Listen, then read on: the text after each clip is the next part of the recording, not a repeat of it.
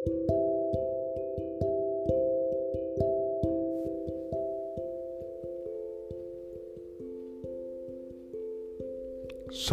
Bapak Ibu Saudara-saudari yang terkasih di dalam nama Tuhan Yesus.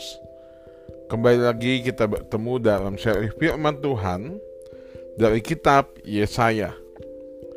Judul renungan pada hari ini adalah Jangan menyia-nyiakan kesempatan Dan pembahasan hari ini diambil dari Yesaya 57 Kita akan memfokuskan pembacaan pada beberapa ayat yakni ayat yang ke-14 sampai dengan ayat yang ke-21. Demikianlah firman Tuhan. Ada yang berkata, bukalah, bukalah, persiapkanlah jalan, angkatlah batu sandungan dari jalan umatku, sebab beginilah firman yang maha tinggi dan yang maha mulia, yang bersemayam untuk selamanya dan yang maha kudus namanya. Aku bersemayam di tempat tinggi, di tempat kudus, tetapi juga bersama-sama orang yang remuk dan rendah hati, untuk menghidupkan semangat orang-orang yang rendah hati dan untuk menghidupkan hati orang-orang yang remuk. Sebab bukan untuk selama-lamanya aku hendak berbantah, dan bukan untuk seterusnya aku hendak murka supaya semangat mereka jangan lemah lesu di hadapanku, padahal akulah yang membuat nafas kehidupan. Aku murka karena kesalahan kerobaannya. Aku menghajar dia, menyembunyikan wajahku dan murka. Tetapi dengan murtad ia menempuh jalan yang dipilih hatinya.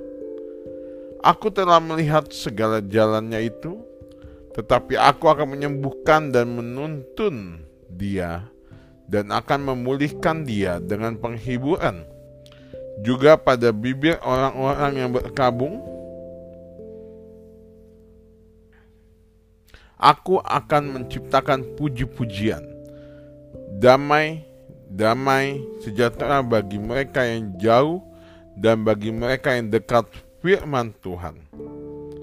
Aku akan menyembuhkan dia, tetapi orang-orang fasik adalah seperti laut yang berombak-ombak, sebab tidak dapat tetap tenang dan arusnya menimbulkan sampah dan lumpur.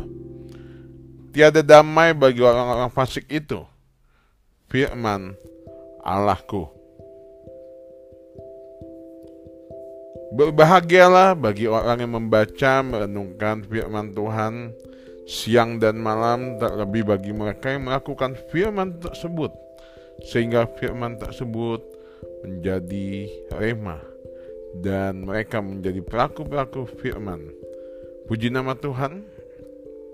Bapak Ibu kasih Tuhan, saya ingin mengawali dengan sebuah kisah di mana ada seorang pemuda yang mencintai putri dari pada raja, bisa dibilang putri kerajaan. Niat dari pemuda ini begitu serius di mana dia ingin melamar sang putri. Namun ketika dia sebetulnya hanya orang biasa, dia pun ketika hendak melamar, raja yang merupakan ayahnya memberikan tantangan. Tantangannya adalah di mana dia akan diminta untuk menangkap ekor kerbau.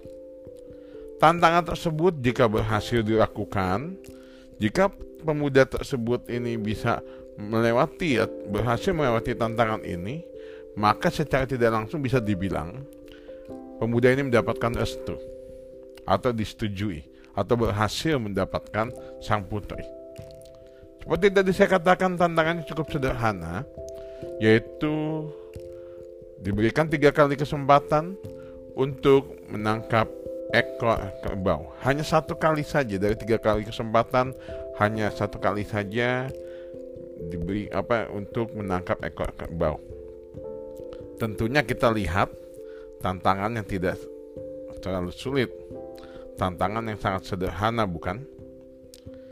Bapak Ibu yang dikasih Tuhan, ketika tantangan dimulai, kesempatan pertama dimulai, ketika pemuda ini sudah siap di tengah lapang, Lalu dibukalah kandang yang pertama. Lalu keluarlah seekor kerbau yang sangat besar dengan tanduk yang runcing dan kerbau tersebut sedikit liar. Pemuda ini berpikir, tentunya kerbau tersebut sangat menakutkan. Tidak mungkin aku bisa menangkap ekornya. Karena pemuda ini berpikir tidak mungkin akhirnya dia melewati kerbau tersebut. Kerbau tersebut keluar dari kandang dan dia pergi lewat begitu saja tanpa ditangkap ekornya. Kesempatan pertama lewat. Kesempatan berikutnya dimulai. Keluar kerbau yang jauh sebenarnya jauh bisa dikatakan lebih mengerikan. Badannya lebih besar, nafasnya menggebu-gebu, mata yang dimiliki kerbau ini adalah sangat merah. Sama seperti sebelumnya, pemuda ini berpikir yang tadi aja menakutkan. Tentunya kerbau ini lebih mengerikan dan tidak mungkin. Mustahil saya bisa menangkap ekor daripada kerbau ini. Kalau dirasa tidak mungkin, maka pemuda ini melewatkan kesempatan kedua dengan begitu saja dibiarkan saja kerbau itu lewat tanpa ditangkap ekornya. Bapak Ibu ini oleh Tuhan pada kesempatan yang terakhir. Ini ada kesempatan terakhir, akhirnya pemuda ini siap. Dibukalah pintu yang ketiga, keluarlah ekor kerbau. Berbeda dengan kerbau-kerbau yang sebelumnya. Kerbau yang kecil ini sangat lucu, sangat menggemaskan, dan tubuhnya kecil, badannya kecil. Pemuda ini dengan senang, dengan percaya diri dia berkata, wah, saya yakin pasti bisa menangkap ekor kerbau. Saya bisa menangkap ekor dari kerbau yang kecil ini. Akhirnya apa yang terjadi? Ia pun bersemangat. Nah karena saking semangatnya ketika pintu sudah dibuka, kerbaunya sudah keluar, dia segera lari dan menangkap ekor kerbau tersebut. Namun apa yang terjadi? Ia kaget bukan kepalang. Kenapa? Ternyata kerbau tersebut tidak memiliki ekor. Bapak Ibu ini kan sudah Tuhan. Dari kisah ini kita bisa belajar bahwa jangan pernah menyia-nyiakan kesempatan yang ada. Kesempatan yang sama tidak akan pernah datang dua kali untuk beberapa kali kita sering melewatkan atau membuang kesempatan yang datang. Hingga akhirnya kesempatan yang sama tidak kunjung datang lagi. Begitu juga dalam kehidupan kita sebagai orang percaya ada kesempatan yang sering kita abaikan. Yakni kesempatan untuk bertobat. Bapak Ibu yang dikasih oleh Tuhan, kita bisa lihat di dalam Yesaya yang tadi kita baca, bahwa orang-orang Yehuda hidup jauh dari perkenanan Tuhan. Hidup dari kehendak Tuhan jauh sangat jauh dari kehendak Tuhan. Hal ini mengakibatkan hidup mereka tidak memiliki identitas sebagai umat Allah. Kenapa? Mereka menggantikan penyembahan mereka yang semula kepada Allah menjadi kepada berhala-berhala.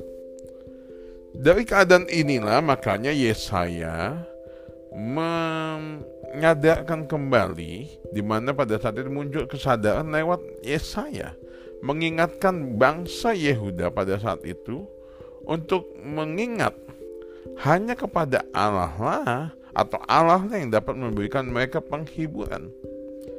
Namun, Yesaya juga mengingatkan untuk semua itu untuk semuanya itu ada persyaratan yang harus dipenuhi yaitu yang simple dalam ayat 14 kita lihat pertobatan dengan membuang segala batu sandungan atau segala berhala yang mendatang, menghalangi datangnya berkat Allah. Yang kedua di dalam ayat yang ke-15 di dalam di situ dituliskan Allah menghibur dan menghidupkan orang yang remuk dan rendah hati. Bapak Ibu ini kan Tuhan, setelah kembali dari pembuangan di Babel, bangsa Yehuda bergumul dengan keinginannya. Mereka pengen sekali, mereka memiliki kerinduan untuk mendapatkan pengampunan. Dengan kata lain mereka pengen, mereka ingin Allah mengampuni mereka. Oleh karena itulah Yesaya berseru bahwa Allah tidak akan terus terbantahkan. Artinya dengan mendapatkan untuk mendapatkan pengampunan mereka hidupnya harus sesuai dengan kehendak Allah dan bukan sesuai kehendak mereka. Artinya apa? Kalau mereka mau diampuni, mereka harus sungguh-sungguh sadar akan dosa yang mereka lakukan dan yang paling penting mereka menyesalinya. Itu adalah yang tertulis kepada bangsa Yehuda atau ketika surat atau kitab Yesaya ini dituliskan. Namun saya sangat percaya firman Tuhan berlaku bagi kita semua yang hidup pada saat ini. Pertanyaannya untuk kita semua yang hidup pada masa kini, bagaimana dengan kita? Ketika kita meminta pengampunan dari Allah, apakah kita benar-benar menyadari dosa yang kita lakukan dan benar-benar menyesalinya? Atau justru sebaliknya? Bapak Ibu Saudara sekalian, saya mau katakan Allah itu penuh kasih dan kemurahan. Dia mengampuni setiap orang yang menyesal dan mengakui dosanya. Saya mau katakan sekali lagi bahwa Allah Maha Pemurah. Tetapi jangan sampai kita menjadi membuat kemurahan Allah itu menjadi sesuatu yang murahan di mana kita datang menyesali dosa namun di saat yang sama juga kita kembali mengulangi dosa yang sama. Ada istilah yang biasa saya dengar yaitu tomat. Tobat, kumat. Tobat, kumat. Hari ini tobat, besok kumat, besoknya lagi tobat, besoknya kumat. Artinya menyesali dosa, tetapi besoknya lagi melakukan lagi dosa. Menyesali melakukan dosa, itulah disebut tomat atau tobat kumat. Seseorang bernama Max Lucado menuliskan demikian, Allah menerima kita apa adanya, tetapi dia tidak memberikan atau tidak membiarkan kita hidup seadanya. Bapak Ibu ini kasih Tuhan Allah siap mengampuni Allah selalu dengan tangannya terbuka ingin merengkuh kita dengan segala kedosaan kita. Tetapi kita juga harus sadar ketika kita datang kepada Allah memanfaatkan kesempatan yang ada akui dosamu menyesal dengan apa yang kau lakukan dan jangan pernah mengulanginya karena itu seperti saya katakan tadi, judul firman Tuhan pada hari ini yaitu jangan menyia-nyiakan kesempatan. Di mana kesempatan untuk bertobat selalu Allah berikan kepada manusia selama ia masih hidup. Namun kalau kita sudah meninggal tidak ada lagi kesempatan untuk bertobat. Allah memberikan kesempatan kepada setiap orang untuk menyadari dan menyesali segala kesalahannya, supaya dapat mengalami kasih, kemurahan, dan pengampunannya. Sekali lagi saya katakan kepada kita semua, selagi masih ada kesempatan, jangan sia-siakan kesempatan tersebut. Selama masih ada kesempatan untuk bertobat, marilah bertobat dengan sungguh-sungguh. Kiranya Tuhan memberkati kita untuk kita hidup semakin menjadi seperti Tuhan Yesus. Haleluya. Amin.